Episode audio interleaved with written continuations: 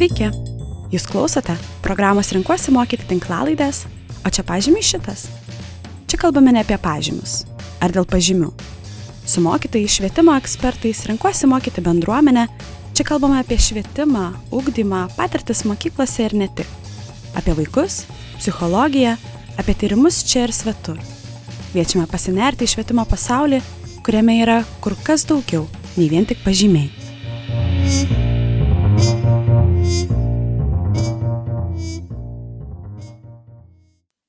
Sveiki, o čia pažymiai šitas klausytojai. Šiandien girdėsite mane, Indrė Lebedytė Mečianienė, renkuosi mokyti 7 kartos alumnę ir kalbinsiu Vilniaus universiteto augdymo mokslo instituto direktorę, docentę daktarę Ireną Stonkuvienę. Labadiena, Irena. Labas, Indrė, labas visi.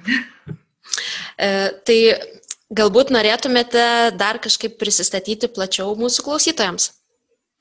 Nežinau, man atrodo, pasakėte, bet šiandien aš čia ko gero dalyvausiu anaip tol ne kaip direktorė ir netgi gal net kaip ne docentė, o ko gero kaip a, būtent mokslininkė ir projekto tyrėja. Tai ačiū Jums labai, kad skiriat laiko mūsų pokalbiai. Ir tada klausytojams dar prisistatysiu, kad esu Jūsų studentė, nes šiuo metu Vilniaus universitete studijuoju edukologijos magistrą. Ir kažkaip idėja jūs pakalbinti kilo, kai šią žiemą vienoje iš paskaitų papasakojote apie jūsų su komanda atliktą mokslo studiją e, apie nuotolinį vaikų ugdymą pandemijos dėl COVID-19 metu. Ir kažkaip labai įstrigo jūsų pasakojimai ir manau, jog būtų tikrai naudinga, kad platesnė visuomenės dalis apie tai sužinotų. Tai galbūt galite trumpai pristatyti šios studijos apreptis, kada ji daryta, bei į ką jūs pati asmeniškai gilinotės. Mhm. Na, ko gero reikėtų pasakyti, kad iš tikrųjų net nesigiriant šitas projektas, nuotolinis vaikų ūkdymas, pandemijos dėl COVID-19 metu, grėsmės ir galimybės ekosisteminių požiūrių tam tikra prasme yra unikalus. Na ir unikalus jis yra keliais požiūriais. Tai vienas dalykas, jis yra tarpdisciplininis tyrimas. Šitą tyrimą atliko įvairių sričių ir krypčių mokslininkai iš Vilniaus universiteto filosofijos fakulteto. Tai buvo edukologai, psichologai, socialinio darbo, sociologijos atstovai, kriminologai. Taip pat dalyvavo medicinos fakulteto mokslininkai. Ir kurgi čia tas unikalumas? Nes tiesa, unikalumas tame, kad mes apie tarpdiscipliniškumą kalbam labai daug ir labai ilgą laiką. Tačiau, kai reikia įgyvendinti kokį nors tarpdisciplininį projektą, atsiranda begalės įvairių kliučių.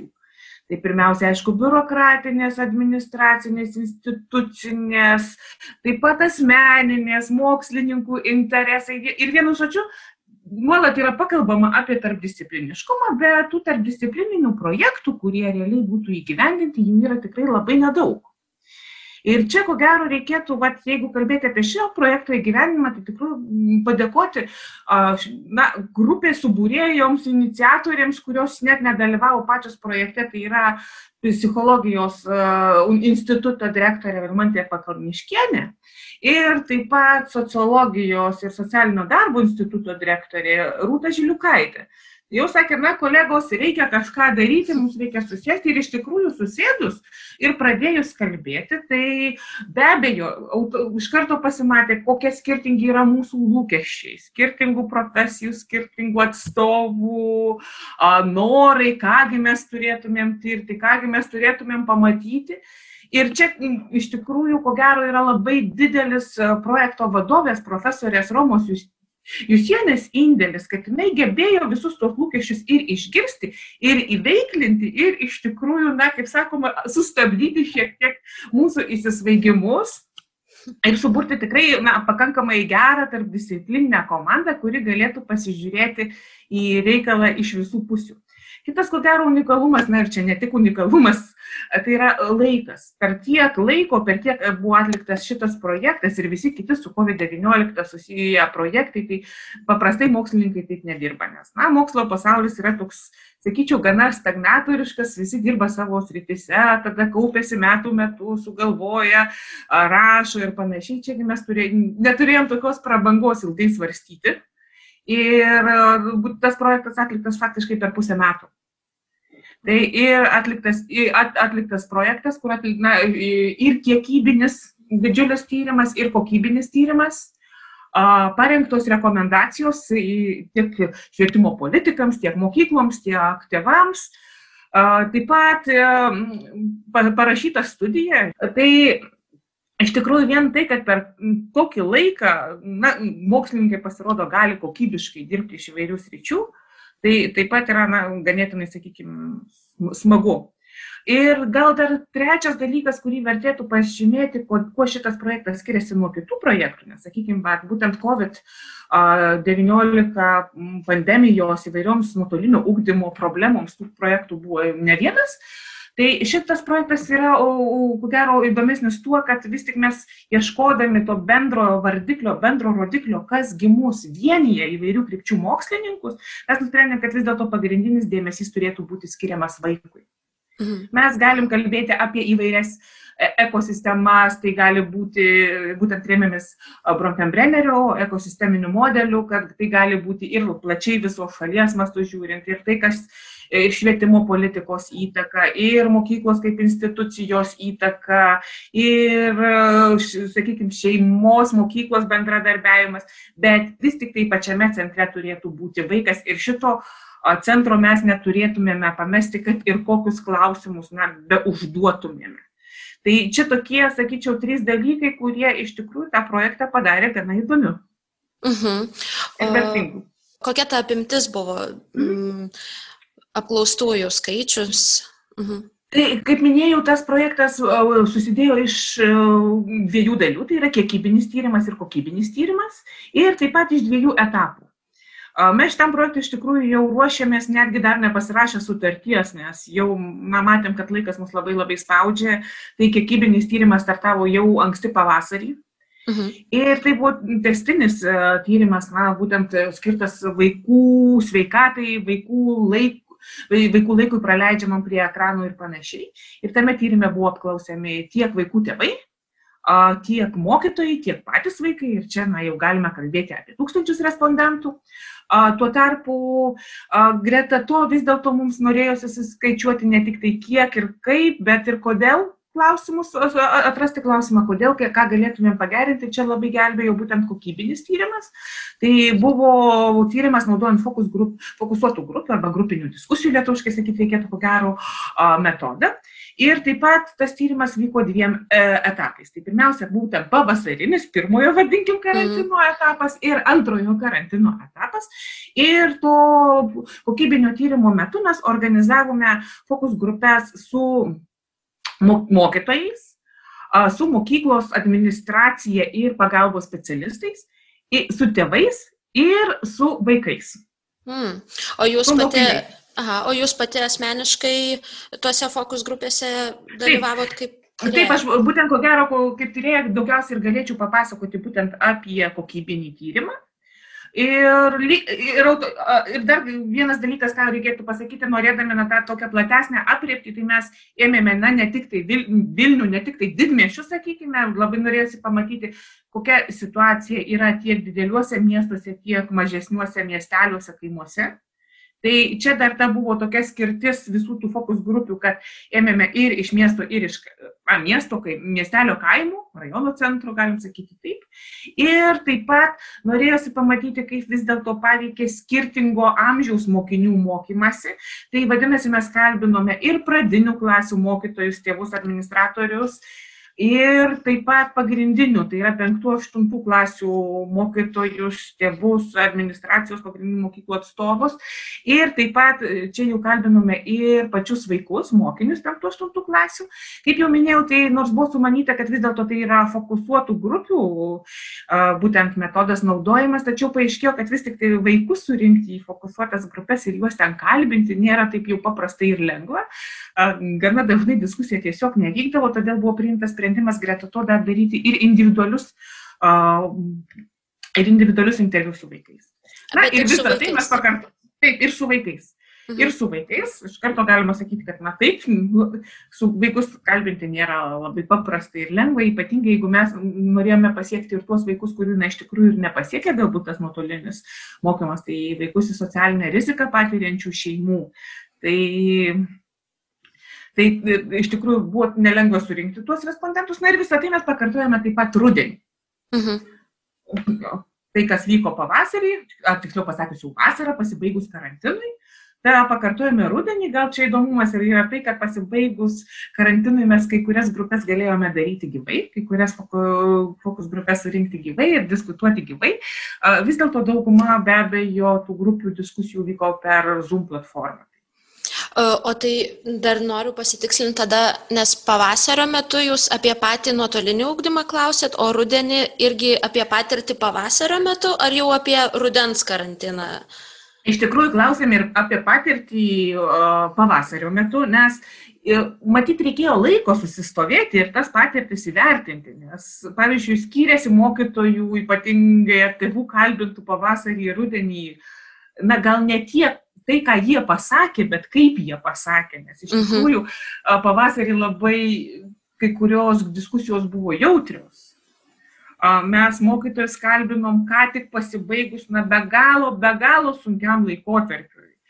Tai, sakykime, na, nepaslaptis, kad tų interviu diskusijų metu mokytojai ir apsiverkdavo, nes iš tikrųjų, na, tai buvo kažkas, galima sakyti, dalykas, kuriems jie nebūtinai buvo pasiruošę ir kurie turėjo tiesioginę to žodžio prasme išgyventi čia bet dargi kas buvo matyti, kad iš tikrųjų nelabai lengva ir pasukti buvo į tą mūsų centrą tyrimo į vaiką, nes labai norėjosi įsipasakoti savo patirtį, savo emocijas. Tai, tai vat, o ką, jie pasakojo, kasgi buvo, taip, kas sunkiausia jiem buvo, kaip, kaip, kaip, kaip jie su tuo susidūrė patys asmeniškai?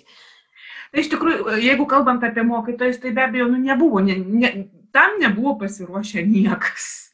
Tai nei mokytojai, nei tėvai, nei mokiniai ir ko gero būtent ta nežinia, ta sumaištis, kągi daryti, kaip daryti, kada tai baigsis, ar tai baigsis ir panašiai, tai, tai tas turėjo didžiulės įtakos mokytojų ir emociniai būsenai, ir ko gero, ir sveikatai, nes nežinau, ar kas nors labai kreipia dėmesio vis dėlto, kiek viršvalandžių dirbo tie mokytojai, kad na, sugebėtų pasiruošti ir panašiai. Be abejo, ir tas sumaištis dėl begalės platformų naudojimo. Greta to, žiūrėkit, dar kiek žinovų, edukologų, švietimo ministerijos atstovų, visi su savo patarimais, visi mėtyt, kad štai naudokite šitą, aplankykite tokį ir tokį muziejų, nes atrodė, kad visi stengiasi iš tikrųjų padėti, kaip įmanoma dalyvauti.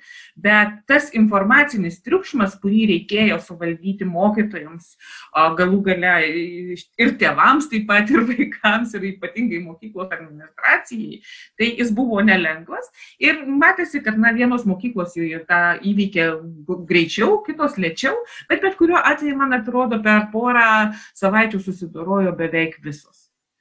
Ir čia galima matyti ten, kur buvo, na, sakykime, komunikacija gana gera prieš pandemiją, prieš pandeminį laikotarpį komunikacija tiek mokytojų ir, ir administracijos, tiek mokytojų ir mokinių, o ypatingai mokyklos ir šeimos bendravimas. Na, ko gero, bendravimas ir bendradarbiavimas buvo vieni iš tų dalykų, kurie greičiausiai padėjo susidoroti su sumaištimi, kuri neišvengiamai kilo. Taip pat perėjimas ir susitarimai na, prie vieningos platformos, kad nešokinėtų ten iš Google į Teamsus, iš Moodle ir dar kažką, į Messengerį, kai iš tikrųjų begalė įvairių informacijos kanalų gaunamų ir panašiai. Tai su šituo iššūkiu, manyčiau, mokyklos iš tikrųjų puikiai susidorojo. Kaip, ko gero, susidorojo tam tikrą prasme ir su uh, ir šeimos su, su technikos problemomis ir panašiai. Juk na, galime galvoti ir įsivaizduoti, kad visi mes turime internetą ir visi mes turime kompiuterius, tačiau aiškėja, kad vis tik tai anaip tol ne visi ir kad dalis šeimų, dalis mokinių be abejo tokių dalykų neturėjo ir, na, arba turėdavo tiesiog mobilius telefonus. Ir iš tikrųjų tai, kad e, buvo valstybiniu mastu imtas iniciatyvos tokios techniką aprūpinti, taip pat ir prisidėjo įvairios e, privačios e, iniciatyvos. Tai tuos technologinius klausimus aš manyčiau, kad daugiau mažiau juos gana sėkmingai išsprendėme. O, o ar tie technologiniai klausimai ir buvo esmė kai kuriem mokiniam, ar visgi? Aš manyčiau, kad ko gero vis tik tai ne. Žinote, su techno... be abejo, pir, pirmomis dienomis tai galbūt taip, nes visi puikiai atsimename, kaip strigo internetas, lūžo internetas, apie jokį vaizdą ten paskaitų ar pamokų metu mes negalėjome kalbėti. E, kai kuriais atvejais susiformavo, na, sakykime, ir visai netikę įpročiai nuotolinio bendravimo, tai kad, oi, mano kamera neveikia, tai dėl to aš įsijungti negaliu, arba jeigu atsakymų nežinau, oi, tai žinote, mano internetas užlūžo ir aš negaliu dalyvauti pamokoje. Tai manau, kad antrojo karantino metu ir jau rudenį grįžę mokyklom mokytojai turėjo spręsti ir šitas problemas, kaip vis dėlto štai atskirti na, real, realius, sakykime, realias sąlygas, kurių tikrai ne visi turėjo idealias, a, nuo tam tikro išsisukinėjimo. A, tai, bet manyčiau, kad visa tai atėjo tiesiog su patirtimi. Ir aiškių taisyklių nustatymų, ko gero, bet būtent tą dar reikėtų pasakyti. Nes aš iš kolegų uh, savo studijose, kurie kurie irgi patyrė tą nuotolinį ūkdymą ir, ir mokymą per nuotolį, tai jie minėjo, kad uh, tas technologijų suteikimas bent jau jų mokiniam, kai kuriem tarsi nepagelbėjo dėl to, kad jie e, neturėjo įpročio mokytis tiesiog namie ar moky, į mokyklą ateidavo ne dėl to, kad nori mokytis. Tai ar jūs sulaukėt kažkokių už tai, ar tai mokytojų pastebėjimų, ar pačių mokinių pastebėjimų apie tai, kad tai, kad jie ten turi kompiuterį namie, kad tai nebūtinai yra tai, dėl ko jie mokysis. Jūs labai teisingai pastebėjote, nes iš tikrųjų, na, kartais ilgą laiką buvo galvojama, kad jeigu visas mokyklas aprūpinsime kompiuteriais, įvesime internetą, tai savaime suprantama išspręsime visas švietimo problemas. Na, man tai yra truputėlį skamba jokingai ir kaip istorikė galiu pasakyti, kad čia jau primena na, Lenino šūkius, kad jeigu bus visos šalies elektrifikacija, tai komunizmas automatiškai ištiks. Tai lygiai tą patį galėjome matyti, kad be abejo, neįsprendus technologinių problemų dalyvauti tame negali, bet vien technologinių problemų sprendimas nėra sprendimas spręsti švietimo problemas. Tai ko gero ir tyrimai išaiškėjo ir iš pažįstamų žinome, kad dalis mokinių na, kompiuteris naudoja anaip tol nemokymuisi, o būtent vaizdo žaidimams ir panašiai. Ir kitas dalykas, vėlgi kompiuteris be interneto, patikimo interneto ryšio yra tiesiog na, menkai besiskirianti priemonė nuo knygos ar dar kažko. Trečias dalykas, ko gero, vėlgi, jeigu kalbėti apie mažesnius vaikus, tai mes turime pasakyti, kad jie patys na, turėjo gana menkus kompiuterinio raštingumo įgūdžius. Ir čia, kas galbūt, net giliai mes to neužkabinome tik prabėgšnomis, kad iš dalies čia nukentėjo šeimos, kurios ir, ir tų šeimų vaikai, kurios na, sakykime, teisingai auklėjo vaikus, neleido jiems keurai kirksoti prie ekranų, prie telefonų ar prie kompiuterių, ribojo tą laiką ir na, tie vaikai tikrai neturėjo to tokio įpročio sėdėti prie kompiuterio, jiems buvo leidžiama labai retai. Tai čiagi išlošė būtent tie, ko gero, kurie na, ir savo sveikatos sąskaitą per ilgai sėdėdavo prie kompiuterių bet bet kuriuo atveju vienareikšmiškai šitos problemos mes negalim taip, vat, kad vien tik tai tas išsprendė. Kita vertus, ir tėvų, sakykime, būtent kompiuterinio raštingumo įgūdžiai ne visų buvo ypatingai geri. Kai kas, na, mokytojai, sakykime, ypatingai kaimiškose vietovėse sakė, ateidavo tėvai ir sakydavo, tai kada duosit kompiuterį, tai sako, davėm, na, čia kalbėjo apie planšetinius kompiuterius. O tai sako, ką su juo daryti nemok, nes būdavo netgi ir tokių jokučių, kad vaikai išjungdavo internetą ir tėvai pasimesdavo, arba tėvai nemokėjo jungtis prie tamo, kur pagrindinė informacija buvo duota ir čia pasimatė, kad nors tamo tai buvo naudojamas jau daugybę metų, bet dauguma tėvų net nematė reikalo ten jungtis ir dalyvauti savo vaiko mokymės. Tai įvairių dalykų išriškėjo, išriškėjo ir, sakykime, tam tikras Na ir mokytojų gal net nebūtinai kartais ir geranoriškas požiūris vienų į kitus išriškėja. Pavyzdžiui, mokytojai, na, jautė tam tikrą, negali sakyti, kad pasitenkinimą ar pikčiuką, bet gaidelė tokia nuskambėjo, kad aha, ir tėvai nemoka. Aha, ir mokiniai nemoka. Čia visi sakė, kad čia Google karta, Z karta, kad jau čia jie gimė su kompiuteriu, bet štai kai reikia elementarų, sakykime, tekstą spausdinti, elementarę lentelę nubražyti, paaiškėja, kad ir nemoka. Vėlgi tos, sakykime, blogosios galbūt nu, komunikacijos tarp mokyklos ir šeimos pavyzdžių gali matyti tai, kad kai kurios šeimos, na, gana jautriai sureagavo į tuos dalinamus kompiuterius. Apskritai, dalis šeimų, ypatingai iš um, skur, skurdesnių šeimų, sakykime, uh, nebūtinai nori tai priimti. Tai kartais kai kurie įvertino kaip, na, sakykime, tokią žeminančią labdarą ir sakė, ne, mums svetimo turto nereikia, mes jau savai kaip nors susitvarkysime. Tai kalbant net ir, sakykime, štai apie aprūpinimą įvairiomis technologinėmis priemonėmis, e, tas klausimas yra, na, nėra toks tiesmukas. Jis atveria ir kitokių problemų, kitokių aspektų, į kuriuos taip pat reikėtų atsižvelgti. Mhm. O tada norėčiau dar grįžti šiek tiek, jūs minėjot, kad kai pavasarį kalbinot mokytojus, tai buvo ir ašarų, ir, ir kad e, persidirbimo to daug nuovargio. Ir kaip tada mokytojai atsiliepia apie nuotolinį ugdymą ir tą patirtį rudenį?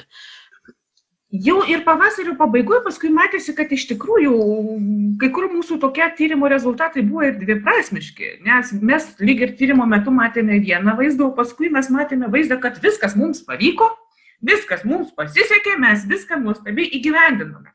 Ir tada kyla klausimas, o tai kur tada tiesa, nes jeigu sakėte, kad na, ne viskas pavyko, sunku buvo ir taip toliau. Tai manau, kad nei vienu, nei kitu atveju nemelavo nes iš tikrųjų, na, atslūgo emocijos, galėjo susisandėliuoti savo jausmus, potyrius, žinias ir panašiai. Ir iš tikrųjų dauguma mokytojų jautėsi smarkiai patobulėję, tėvų pasjausi ir vaikų patobulėję, ypatingai a, kompiuterinio raštingumo srityje ir panašiai. Ir, ir, ir tas, kad mes sugebėjom įveikti problemas Ir tas kėlė be abejo pagristą pasididžiavimo jausmą. Tai šito atmesti negalim. Kita vertus, pavyzdžiui, rudenį pasimatė ir kai kurie tam tikri, na, gal ir susitaikymo, sakykime, su situacija ženklai. A, vienas iš tų tokių dalykų, pavyzdžiui, vertinimo klausimas. A, ar tas pažymys nuotoliniu būdu yra toks pat Ir mes matėm, kad vienų pažymiai pagerėjo, kitų nepakito. Mhm. Ir labai nedaug vaikų pažymiai pablogėjo. Ir čia vat, būtent kilo tas klausimas be abejo, kasgi dalyvauja tame mokymėsi. Ar tik tai vaikas, ar vis dėlto dalyvauja dar ir tėvai. Ir kiek tie tėvai dalyvauja. Ir be abejo, mokytojai kalbėjo, kad kai kurie tėvai ten kontroliniu metu ir po stalu sugebėjo palysti, ir užduotis už vaiką spręsti ir panašiai. Ir kai kurie mokytojai iš tikrųjų pavasarį dar bandė tais savo įprastais būdais na, išlikti kaip įmanoma objektyviai vertindami. Savai mes suprantama, tai kėlė dar didesnės sumaišties, nes na, įprasti būdai netiko neįprastoms sąlygom. Mhm. Tai iš vienos pusės tai gimdė tam tikrą nepasitikėjimą, nes tikrai ne visi tėvai po stalu tupėjo. Čia greičiau jau anegdotiniai atvejai, bet na, dalis mokytojų nusprendė, kad visi tupi ir na, vaikai ne vienas sąžininkai, sakykime, nesimoko ir panašiai. Tai rudenį kažkaip jau jautėsi tas atsipalaidavimas. Ir nutarimas, kad vis dėlto, na, kaip ten bebūtų, vaikai mokosi nebūtinai pažymiui ir na, tėvai turėtų taip pat prisijimti atsakomybę, jeigu skatina to tokį nesažiningą mokymą.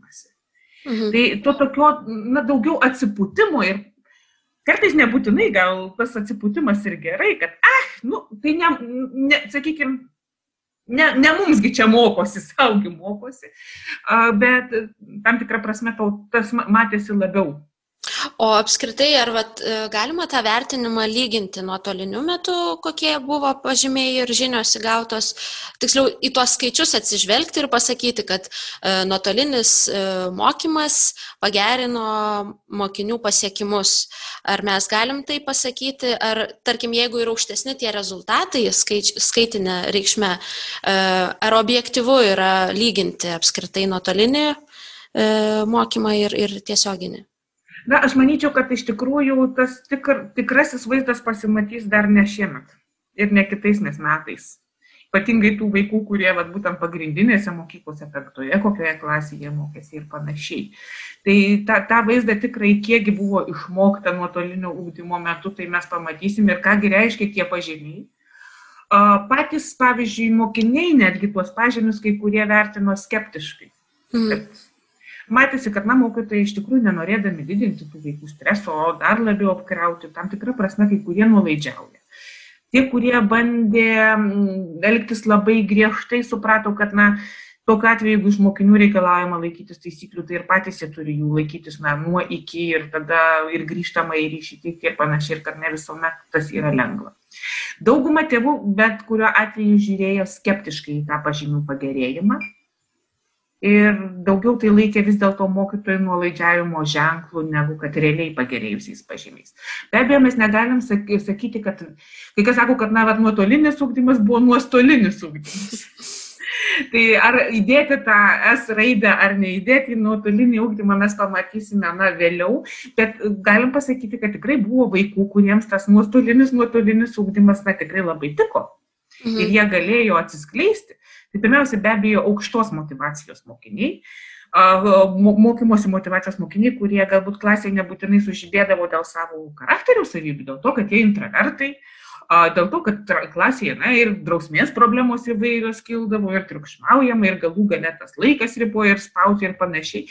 Tai dalis tokių motivuotų mokinių tikrai atrado save ir atsiskleidė ir mokytojai tą pastebėjo, ir, ir tėvai tą pastebėjo, kad, sakykime, net, kad, pavyzdžiui, viena mama pasako, kad, na, jos dukra visą laiką gaudavo dešimtukus, bet va dabar pamatė, kaip iš tikrųjų tą dešimtuką uždirba ir kad jis tai jau iš to 9,5 tapo tikrų dešimtukų. Ir kaip pagerėjo, pavyzdžiui, anglų kalbos žinios, nes pradėjo žiūrėti filmus anglų kalbą ir daugiau skaityti pradėjo ir panašiai. Tai buvo ir tų tokių teigiamų nuotolinio ūkdymo vertinimų. Teigiami mokytojų vertinimai, sakykime, kurgi tas nuotolinis ūkdymas, kam galėjo iš dalies padėti, tai būtent vaikams turintiems specialiųjų ūkdymo poreikių ir dėl to e, čia suveikė paprastas dalykas, mokytojai galėjo labiau individualizuoti užduotis. Daugiau skirti laiko, daugiau pakonsultuoti, bet be abejo ne visais atvejais, kai kuriais atvejais ypatingai jeigu negalėjo įsijungti tėvai, ir dalyvauti su specialiu, vėlgi poreikiai poreikiais, tiems nelygus. Tai, tai savai mes suprantama, dalis tų vaikų patyrė didžiulių sunkumų. Ir dar, ko gero, ką reikėtų pastebėti, ko mes nepasiekėm, at mūsų tyrimo ribotumai, tai mes nepasiekėm a, faktiškai tėvų iš socialinę riziką patiriančių šeimų. Tokie tėvai tiesiog elementariai atsisakė dalyvauti tyrimė. Ir lygiai mm. taip pat ne, nebūtinai ir bendravo, ir bendradarbiavo ir su mokykla, apskritai buvo pasiekiami. Ir to tikslaus skaičiaus, o kiekgi vaikų apskritai iš socialinę riziką patiriančių šeimų apskritai nedalyvavo ugdyme, na, kokybinio tyrimo metu be abejo mes neapčiupiam, bet Iš tikrųjų ir mokytojai sakė, ir tie kitų vaikų tėvai pastebėjo, kad na, jų vaikų klasėse būtų vaikų, kurie neprisijungė arba kai kurie išnekėjo, sakykime, na, bet gavo planšetės ir lakstų dabar po kaimą nepaisydami karantino ten ir panašiai. Aišku, kiekgi tame pasakymė yra tiesos, kiek, kiek iš tikrųjų tokių vaikų būtų, sunku pasakyti, bet kad tokių vaikų buvo ir kad tokie vaikai patyrė didžiulių problemų dėl to, kad negalėjo lankyti mokyklos. Tai yra faktas, be abejo, galų galiai jie prarado terpę, kurioje galėjo galbūt jausti saugus, nes vėlgi net ir ta problema liko kaip aplinka namuose veikia, nes juk žinome, kad tikrai yra aplinkos, kurioje kur, ir, ne, ir fizinė aplinka nebūtinai yra palanki, tikrai ne visi gyvena didžiuliuose namuose, kur kiekvienas vaikas gali turėti atskirą savo mokymosi erdvę. O labai, labai įdomu, ar apie būtent šituos e, erdvių ir, ir tech, tiek galimybių prieiti prie kompiuterio, jeigu keli vaikai, o tik vienas, tarkim, kompiuteris. Tai ar apie tai e, jūsų respondentai kalbinti kažkokie minėjo, pasakojo apie šitas patirtis tokias? Truputėlį minėjo, kaip jau minėjau, pat tėvai na, nedalyvavo iš tokių šeimų, tai sunku pasakyti. Uh, vat viena mama iš tikrųjų labai jautriai sureagavo tą duotą planšetę ir jos neėmė. Dėl, na, dėl to, kad tikėtina, kad mes labai daug nelindom į asmeninį gyvenimą informantų, na, norėdami ir jų anonimiškumą išlaikyti, bet tikėtina, kad jinai augina vaikus viena ir nusprendė, kad užteks ir telefonų mhm. mokymuisi. Po gero paskui, aišku, išriškėjo, kad neužteko.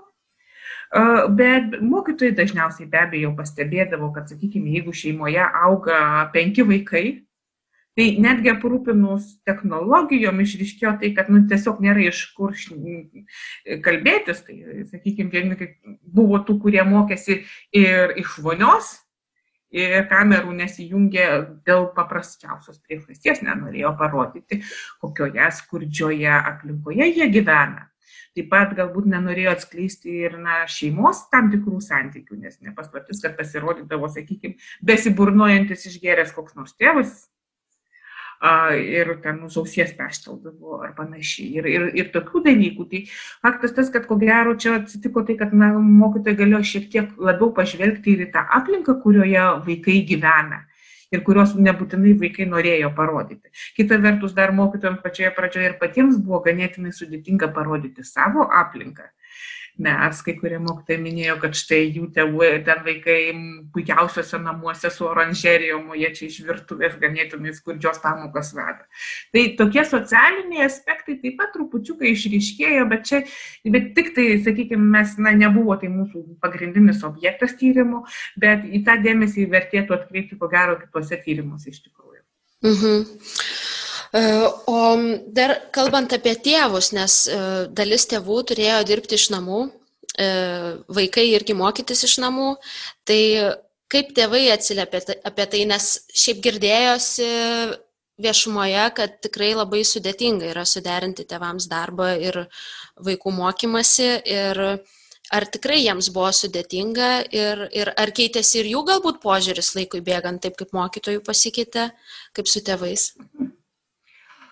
O, na, čia ko gero tema, kur iš tikrųjų labai ilgai galėčiau kalbėti, pasistengsiu truputėlį um, suglaustinti gal ir keli, kelius aspektus paminėti. Uh, tai be abejo buvo sunku Ir čia ko gero, na, kai vat, dar pati galvoju savo palyginti, kai ilgą laiką buvo kalbama apie naminį ūkdymą ir kad mokyklos nereikia ir kad galbūt vaikus galima būtų vėlgi auginti namuose ir tą ūkdymą padaryti labiau kokybišką, tai pats ištiko tas naminis ūkdymas ir kas tada. Ir, ir dauguma tėvų iš tikrųjų susidūrė su didžiulėmis problemomis. O, tai kaip derinti darbą ir kaip paderinti pagalbą vaikui. Galų gale, kaip, kas yra ta pagalba vaikui, tai ar vat, vaik padarimas namų darbų ar kontrolinio kartu su juo, kad jisai gautų geresnį pažymį, ar vis tik tai realiai kažką tą vaiką išmokyti. Ir, na, sakykime, kad tėvai neturi pedagoginio išsilavinimo ir kartais tikrai daug paprasčiau yra padaryti pačiam, negu kad išaiškinti vaikui, kaipgi spręsti tą fizikos uždavinį.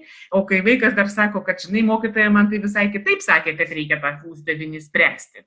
Na ir tada mama sako, o tai, o tai kai aš mokykloje buvau, tai buvo taip ir tai galėjo, na, ypatingai paauglių, su, su paaugliais galbūt ir netgi tam tikrus konfliktus generuoti. Be abejo, galėjo generuoti ir tam tikrus konfliktus su mokytojais, nes jau kai tėvai įsijungė į ugdymą, jie pamatė vienas dalykas ir spragas iš tikrųjų mokykloje, mm, kas vyksta ir, ir, ir turėjo savų pastebėjimų. Mokytojai tikrai neturėjo laiko susidoroti dar ir su tėvų pastebėjimais, o būta tėvų, kurie skambindavo ir dieną, ir naktį mokytojams, sekmadienį nepriklausomai koks laikas, uh, ir sekmadienį ir tada, da, o kiti tiesą pasakius, net nebandydavo spręsti problemos su mokytojais ir automatiškai ten kreipdavosi administraciją ar net į švietimo skyrių, kad štai jų auksui kažkokios sąlygos nepakankamai geros sudaromos. Buvo ir tokių dalykų, bet vis dėlto buvo ir labai daug teigiamų dalykų, kad iš tikrųjų tėvai pamatė, koks yra sunkus mokytojo darbas kiek mokytojai įdeda pastangų ir na, dauguma tėvų, tai manau, kad tai tikrai, tikrai įvertino. Kitas dalykas, ką dar pamatė tėvai, tai, ką ilgą laiką mokytojai sakydavo, pavyzdžiui, apie vaikų tam tikras motivacijos trūkumą, ne, kad nesimoko, arba netgi tam tikrus spets poreikius, kad galbūt reikėtų kreiptis į specialistą. Tai dauguma tėvų tai tiesiog numodavo ranką galvodami, kad mokytojai, nu žinot, ai, motivacija tai nepakankamai sumotivuoja, tai uh, pasistengti labiau reikia. Kai reikėjo jau patiems va, tą motivaciją kilstilti laikams, suprato, kad nėra tai labai paprasta ir kad kai kurių vaikai galbūt yra tiesiog elementarūs tinginiai. ir įsisukinėtojai. Tai, tai ta, ta, sakykime, o kurių iš tikrųjų reikia realios pagalbos, kad štai tie vaikai sulauktų. Tai tie dalykai, kad pasimatė be abejo, yra labai labai gerai. Kitas dalykas, vėlgi tėvai ir mokytojai buvo priversti glaudžiau bendradarbiauti, nes mes labai daug edukologai kalbam apie mokyklos ir šeimos bendravimą ir bendradarbiavimą, bet daugeliu atveju man atrodo, kad tai na, yra tušti žodžiai arba erzinantis vieną ir kitą pusę žodžiai. Mokytojams atrodo, kad tėvai kažką netaip daro, tėvams atrodo, kad mokytojai kažką netaip daro ir tas bendravimas apsiriboja nuo tokių bendrų problemų aptarimų. O čia jau reikėjo perėti prie labai konkrečių atvejų. Ir čia, ko gero, galėčiau pastebėti tam, tai, kad kai tėvai pamatė, kaip jų vaikai mokosi, jie taip pat, ypatingai pradinukų tėvai, manau, kad turėjo gana gerų išvalgų iš tikrųjų, kaip, vaikas, kaip tam vaikui padėti, ką tas vaikas gali daryti. O mokytojai tuo tarpu dar nebūtinai turėjo laiko išklausyti tuos tėvus. Mhm. Ir čia, kai kalbame apie, bet netgi savokos tos neturime, ar bendravimas, ar bendradarbiavimas. Tai bendravimas be abejo vyksta. Vyksta komunikacija, vyksta informacija, kurią dažniausiai vis dėlto pateikia mokykla šeimai, o ne šeima mokyklai. Ir toje mm, santykių pusėje vis tik tai dažniausiai iniciatyva eina iš mokyklos. Ar pasirengus dabar jau mokykla priimti tą iniciatyvą einančią ir iš šeimos? Nes jos tikrai padaugėjo, taip? Jos tikrai padaugėjo. Tai ne visais atvejais, ko gero, nes jeigu prieš tai mokytojai norėjo, kad tik tai tie tėvai daugiau įsitrauktų į tą ūkdymą, Tai dabar jau gal norėtų ir stabdyti, nes, na, kokybiškas bendravimas, kokybiškas bendradarbiavimas be abejo reikalauja ir be galo daug pastangų ir atskiro laiko. Ir čia, ko gero, va, dar tą laiko klausimą mes taip pat turėtumėm paliesti tas, na, labai aktualu turėtų būti ir švietimo politikams, kad šito nuotolinio augdymo metu pasikeitė ne tik tai vieta, ne tik tai erdvė, kurią mes iš mokyklos, sakykime, perėjome į namus ir internetą, bet pasikeitė ir tam tikra prasme laiko suvokimas. Kas kur, kada, kada šeštadienis, kada sekmadienis, jis panašu, na, pradeda nusistovėti, bet pradžioje tai iš tikrųjų tas su, sujauktis matėsi. Ir, pavyzdžiui, kai kurie kalbinti administracijos atstovai sakė, na, kad štai mes dirbam 24 valandas ten per parą, 7 dienas per savaitę. Tai jeigu ekstremalioje situacijoje pandemijos pradžioje tai buvo normalu ir, na, kitaip, ko gero, nebuvo galima sutvarkyti reikalų, kad tas procesas įsibėgėtų, tai dabar, mano galva, tai nėra normalu. Ir čia, jeigu kalbant apie administracijos mokytojų santykius, tai eina kalba apie elementarų darbo kodekso pažydimą, netgi taip galim sakyti. Jeigu kalbėti apie uh, mokytojų ir tėvų santykius, na tai tiesiog elementarios, ko gero, skaitmeninės etikos nebuvimą, kadagi vis dėlto galima vieni kitus trukdyti ir panašiai. Tai be abejo, šitos problemos yra sprendžiamos, bet kai kuriais atvejais, va tas būtent pavasaris, ruduo, nebūtinai uh, tą skirtumą pamato kai kurie. Nes pavyzdžiui, vėlgi kalbant apie šeimą ir šeimos įsitraukimą, pavasarį atrodo susiformavo toks įspūdis, kad visi tėvai absoliučiai dirba iš namų Ir visi tėvai gali padėti vaikams, bet juk buvo krūvas specialybių, krūvas tėvų, kurie nedirbo mhm. iš namų, kurie tie patys medikų vaikai, ne? Galų galėtų pačių mokytojų vaikai, kurie dirbo iš namų, bet, na, vargu buvo, ar tu labai gali pravesti kokybišką, sakykime, pamoką, kai tau ateina tavo trimetis ir išjungia internetą ir panašiai. E, bet buvo ir tų, kurie tiesiog elementariai nesustabdė savo darbo. Tai čia vėlgi, jeigu kalbant apie pradinukus, teoriškai lyg ir buvo įstatymai leido imti nedarbingumo lapelius ir e, būtent vaikų priežiūrai nuotolinio ūkdymo metu, bet mes kalbame tik tai apie pradinių klasių mokinius. Tuo tarpu, pavyzdžiui, vienas iš tų tokių aspektų, kam sunkiau, sunkiau šiek tiek sekėsi, tai buvo penktokai. Mes ir iš senesnių tyrimų žinom, kad penkta klasė yra ganėtinai sudėtinga, tokia krizinė klasė, kad iš vieno mokytojo glėbio ir globos išeini ir krūva mokytojų, kurių kai kurie vaikai net nespėjo pažinti, dėl to, kad ištiko nuotolinis. Ir prie dalykinės sistemos, prie kurios sunku įprasti. Ir čia tėvai jau kai kurie negalėjo padėti, nes buvo priversti dirbti. Tai, sakykime, tam tikrą prasme, kai kurie tėvai tikrai pasigėdo geronoriškumo iš mokytojų, nes ar administracijos, nes visi įsivaizdavo, kad tie tėvai taip sėdi ir tikrai turi mokytis kartu su vaikais, bet kad tai net ir fiziškai neįmanoma, kad na, to jie negali padaryti, ypatingai kalba eina apie um, vieno iš tėvų nepilnas šeimas. Vieno iš tėvų, kai vaikas auga su vienu iš tėvų, Tai netgi ir, sakykime, pasinaudoti valstybės e, suteikiamą garantiją, kad štai galima pasiimti nedarbingumo lapelį. E, automatiškai, ypatingai jeigu, sakykime, šeimos pajamos nėra didelės, jos dar sumažėja. Mhm. Ir tikrai na, negali savo šeima leisti tokios prabangos. O, o, o kokie sprendimai buvo tada priimti? Ar, ar jūs jau kaip tyrėjai siūlote kažkokius galbūt sprendimus, kaip, kaip galima būtų tada mm, keisti, ar ne, kad jeigu tėvai negali prisijungti ir padėti vaikui, kuriam reikia pagalbos, tai ką, ką galima padaryti dėl to? Tai aš manau, kad ta iniciatyva, kad tie vaikai, kurie negali mokytis iš namų, galėtų mokytis iš mokyklos, iš tikrųjų buvo labai labai sveikintina ir sveika ir kad nežinia, kiek ne, jau ne, ne, nepakliuvo į mūsų tyrimų lauką, kiek mokyklų įsijungė tą iniciatyvą, kiek realiai tas buvo įgyvendinama, bet kad to daliai vaikų ir daliai šeimų, kad to labai reikėjo, tai yra faktas. Dar vienas toks dalykas, kuris man įdomesnis, ko gero, ir ties, ties tyrimų užkliuvo, ir ties interpretacijomis tos tyrimo, kai mes kalbam apie tėvus, tai vis dėlto mes turėtumėm dažniausiai kalbėti apie mamas. Nes jeigu pasižiūrėti ir kiekybinėme, ir kokybinėme tyrimė vis dėlto dažniau dalyvavo mamos. Je, jeigu kalbant vėlgi apie mokyklos šeimos, ten sakykime, santykius, tai a, dažniausiai jau kai mokytojas skundėsi šeima, tai dažniausiai skundėsi būtent mamomis. Na, maždaug kur ten vaikas prisijungs prie pamokos, jeigu a, dar pati mama miega. Nu, šeimoje beje yra ir tėtis.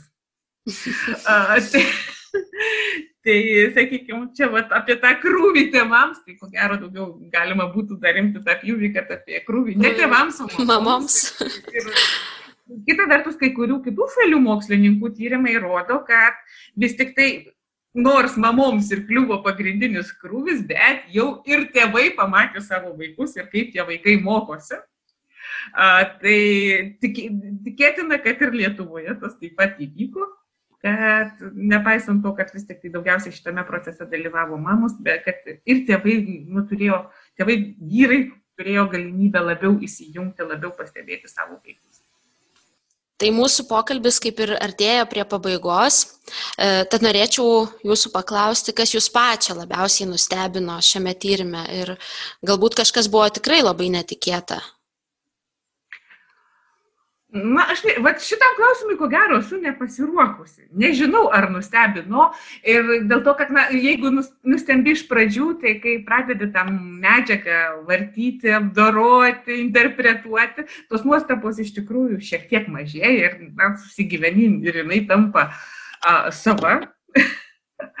tai tos tokios didesnės nuostabos, ko gero, didelių netikėtumų, kurių, bet, pam, imtum ir pamatytum, gal net ir netiek jau daug ir buvo. Galbūt iš tikrųjų pasitvirtino ta tokia tiesa, kad jeigu ir prieš pandemiją buvo pakankamai gerai, tai pandemija tik labai trumpam laikui sujaukė gyvenimą, sujaukė mokymą ir sujaukė mokymasi. Tuo tarpu, jeigu buvo vis dėlto problemų, tai tos problemos tapo tik tai dar aštresnės, dar skaudesnės Ir čia kalba eina tiek ir, sakykime, ir apie tą pačią komunikaciją, tiek apie socialinę riziką patiriančią šeimas, tiek apie mokinius, kurie na, neturi pakankamai mokymosi, motivacijos ir savarankiško mokymosi įgūdžių. Tai tas problemas be abejo šita, šitas laikotarpis tik tai užaštrino Ir nebūtinai a, vis tik tai visoms problemoms spręsti, tai automatiškai galime atrasti ir na, tokius tiesioginius receptus, kai kuriems, ko gero, reikia iš tikrųjų tokių na, visapusiškų sprendimų. Ne, negali nei vieni mokytojai nei susidoroti, nei viena šeima su tuo susidoroti, negali mokyklos administracija, sakykime, su tuo susitvarkyti. Čiagi jau e, reikia priimti sprendimus būtent ir šalies mastu, švietimo politikų mastu. Tai ir faktiškai iš tikrųjų na, galima matyti, kad vienokie ar kitokie tie sprendimai yra priimami. Mhm. O, o tada, kad būtų ir pozityvi kažkokia nata, tai e, visgi pandemijos, tas nuotolinis mokymasis pandemijos metu, kokių, kokių atnešė laimėjimų ir kam? Tai iš tikrųjų, kaip jau minėjau, būtent tiems tikrai stiprią motivaciją turintiems vaikams. Jeigu kalbėti štai, va, na, kad, nu, kaip šiek tiek užgrėbiau socialinės rizikos šeimas, kad, kad, kad na, jos patyrė tikrai daugiausiai, ko gero, nuostolių, tai ne visais atvejais. Kai kuriais atvejais, pavyzdžiui, ką, kokią problemą išsprendė? Išsprendė pavėžėjimo į mokyklą problemą. Na, vis tik tai kai kuriems vaikams tas pavėžėjimas, kai kuriems šeimoms tas pavėžėjimas buvo tapęs ganėtinai skaučiu reikalų, turint omenyje, kad, na, kaimuose nelikus, pavyzdžiui, mokyklų važiuoti tekdavo tikrai netrumpai ir keltis labai labai anksti, ten kokią šeštas ar prieš šešias valandą ir vien jau tas laikas iki mokyklos būdavo kelias iki mokyklos, na tikrai ganėtinai sunkus ir vaikai tam pirmose paskaitose realiai miego, pamokose realiai miegodavo. Tai šita problema iš tikrųjų išnyko. Vaikai gavo a, laiko daugiau pamiegoti. A, ir lankomumas pamokose kai kuriais atvejais tikrai ypatingai iš atokesnių kaimų pagerėjo, nes dingo pavėžėjimo problemos įvairios. Mhm. Ir arba bent jau atsikalbinėjimas, kad autobusas ten vėlavo ar dar kažką ir panašiai. Tai štai tas kai kuriais atvejais tikrai lankomumas pagerėjo. Atsirado, jeigu dar na, vyko kokios nors neformalaus ūkdymo veiklos, didesnė galimybė dalyvauti ir to neformalaus ūkdymo veiklose dėl to, kad nu, nereikėjo taikytis prie autobusiuko grafiko. Tiesą pasakęs, bandžiau užduoti mokytojams provokatyvų tokį klausimą, nes jeigu visi skundėsi, kad kaip čia taip ryta, rytas, na, va, sudėtingas ryte, uh, miego norisi, pamokose vaikai miega ir panašiai. Kas trukdo pavėlinti pamokų laiką? Matėm, kad jeigu vis tik tai įmanoma perkelti vietą, tai galbūt galima keisti ir laiką. Tai mokytojai provokacijai nepasidavė, sakė, ne, ne, ne, nors ir miega, bet vis dėlto iš tikrųjų geriau iš ryto ir panašiai. Bet čia ko gero būtų ką pamastyti jau ir vėlgi visos šalies mastu, ypatingai būtent tose paauglių grupėse, kur vėl mokslininkų tyrimai rodo, kad pavėlinus mokymosi laiką leidus išsimiegoti ir mokymosi rezultatai pagerėja. Tai aš manau, kad įvertinus tą visą patirtį tokią, iš tikrųjų mes galėsim ir pasimokyti daug ko ir surasti problemų sprendimų būdų, kurios atrodė, kad vat, negalim išspręsti. Mm, lankščiau pažvelgti. O, o kas liečia tėvų ir mokytojų santykiai, arba galbūt netgi labiau mokytojo vaidmuo tėvų akise, ar jis par, kaip čia pasakyti, iki 2025 metų juk yra idėja Lietuvai, kad mokytojo profesija taps prestižinė. Ar pandemija prisideda prie mokytojo prestižo augimo, ar kaip tik atvirkščiai? Na, klausimas, ko gero, yra iš tikrųjų ganėtinai sudėtingas. Ir taip vienareikšmiškai atsakyti negalime, kad tėvai tikrai pamatė, koks mokytojų sunkus darbas, kiek mokytojai įdeda jėgų ir kaip mokytojai kai kurie gerai dirba. Na, va, tėvai tikrai turėjo galimybę sudalyvauti pamokose ir pamatyti, kad wow, nes kai kuriais atvejais jų įsivaizdavimas apie tas pamokas buvo nu iš savo pačių jaunystės laikų. Mhm. Ir, ir tai šitas įsivaizdavimas per nuotolinio ūkdymo, sakykime, suteiktas technologinės galimybės, jisai šiek tiek sugriuvo. Ir tikrai dalis tyrimė dalyvavusių tai buvo be galo dėkingi mokytojams ir buvo, na, sakykime, iniciatyvos padėkoti mokytojams. Ir a, kalbant su mokytojais, matėsi, kiek vis dėlto mokytojams tas net paprasčiausias ačiū, kiek daug reiškia, kad jiems buvo labai svarbu, kad tėvai ir mokiniai pastebėtų, pamatytų jų triūsą. Na, be abejo, kad ir administracija taip pat. Kitais, bet be abejo buvo keliamas, sakykime, toks klausimas, kad štai, jeigu galima pereiti prie nuotolinio mokymo, tai gal įrašom tą mokytoją, tegul jisai atkalba savo, ne? Mhm. Visą kitą pasiskaitom, pratybas vėlgi atliekame skaitmeninėje erdvėje. Nu ir galim išspręsti ir mokytojų trūkumo problemą, kad vienas mokytojas gali keliose mokyklose tą pamoką pravesti. Mhm. Bet čia be abejo daugiau tokie buvo provokaciniai dalykai ir aš nemanau, kad vis tik tai a, tai suveiktų dėl labai labai paprastos priežasties. Ne tik tai mokytis ir mokyti mes į mokyklą susirenkame, nes kalbant apie visą tą uh, Ir ką, sakykime, mes savo tyrimo metu labai stengiamės akcentuoti, kad, pavyzdžiui, mes ne, nežiūrėjom į tėvus kaip į klientus, ne, kurie čia atveda savo atžalą į instituciją, kad jie gautų paslaugą. Mes juos taip pat žiūrėjome kaip į bendruomenės dalį.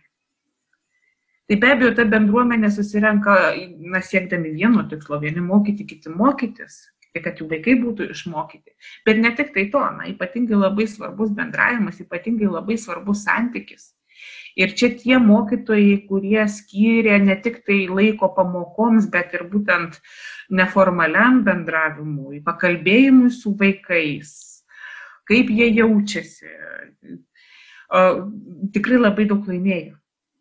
Ir čia pasimatė vėlgi, koks svarbus yra klasės auklėtojo vaidmuo, kaip jisai gali būti tarpininkas tarp vaiko, tėvų, tėvų, mokytojų, kitų ir panašiai. Tai ir ko labiausiai pasilgo, ko gero, vat, na, kalbant rudenio jau metu, rudenio etapo metu, tai iš tikrųjų mokytojai labai stebėjosi, kaip vaikai yra pasilgę vieni kitų. Kaip vaikai, ypatingai pradinukai, yra pasilgę tų pačių mokytojų na, tiesioginio kontakto, netgi galbūt fizinio kontakto ir kaip sunku laikytis netgi tų nustatytų taisyklių, ten tai tos socialinės vadinamosios distancijos ir panašiai, kai norisi griūti vieni kitiems į glėbį, apsikabinti ir taip toliau. Tai kur yra, ko gero, iš tikrųjų nuostolis tam tikras, tai būtent to gyvo bendravimo ir bendradarbiavimo nebuvimas, kurio nu negali internetu Taip, pasiekti. kameros nepakeičia to. Kameros nepakeičia ir, pavyzdžiui, kas pasimatė, kaip vis dėlto nu, mums atrodo, eh, visokie įvairūs mokyklos tradicijos, ritualai, visokie renginiai, ne, tai nu, tam tikras netgi vargas. Tiems patiems mokytojams ten organizuoti, mokiniams tu ten dalyvau, kai visai nenori. Bet paaiškėjo, kad kai kurie yra labai svarbu ir, pavyzdžiui, kaipgi be paskutinių skambučių išgyventi, na, kaip išgyventi be išleistuvių, kaip išgyventi be kitų mokyklos tradicijų, na, pasirodo, nėra taip jau labai lengva. Ir paprastai ir būtent to labai labai pasilgstama. Tai Hmm. Tai, e, tai jau visai pabaigai tada norėčiau pasakyti, kad e, mane visada socialinių mokslų darbuose, studijose labiausiai ir intriguoja, žavi tas susipažinimas su asmeniniu e, respondentų patyrimu. Tai čia ypatingai tuose kokybiniuose tyrimuose.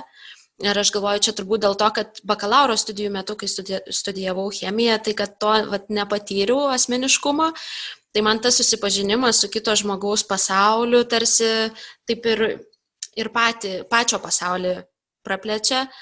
Ir šiuo atveju, kai turime tokią neįprastą pandeminę situaciją, kuri keičia žmonių gyvenimus iš esmės, tai be tokių mokslinių studijų galima būtų tik spėlioti, E, kas gyvyksta šeimose, kai mokiniai mokosi šalia tėvų, kaip keičiasi tėvų vaidmuo, mokytojo vaidmuo, e, darbo vertinimas ir kaip apskritai vertinti tą nuotolinį ūkdymą. Tai ačiū Jums labai už pokalbį ir tų įvairių žmonių ir jų pasaulio atskleidimą šiame tikrai sudėtingame laike. Ir esu įsitikinusi, jog tokie tyrimai gali turėti tikrai didelę praktinę reikšmę Tad, tad to ir palinkėsiu, kad šios mokslinės studijos rezultatai kuo plačiau pa, pa, pasklistų švietimo bendruomeniai ir turbūt ne tik švietimo bendruomeniai. Tai svarbu mums visiems. Ačiū Jums, Indrė, labai, kad štai pasikalbėjome ir manau, kad jie ir sklis būtent Jūsų dėka taip pat, nes faktas tas, kad vis dėlto, čia mes galime kalbėti, kada mokslas ne pats savo mokslas, o mokslas dėl to, kad jisai galėtų, na, jeigu neįspręsti, tai bent jau paaiškinti kai kurias problemas. Taip, tai ačiū dar kartą ir visą gerą. Visą gerą.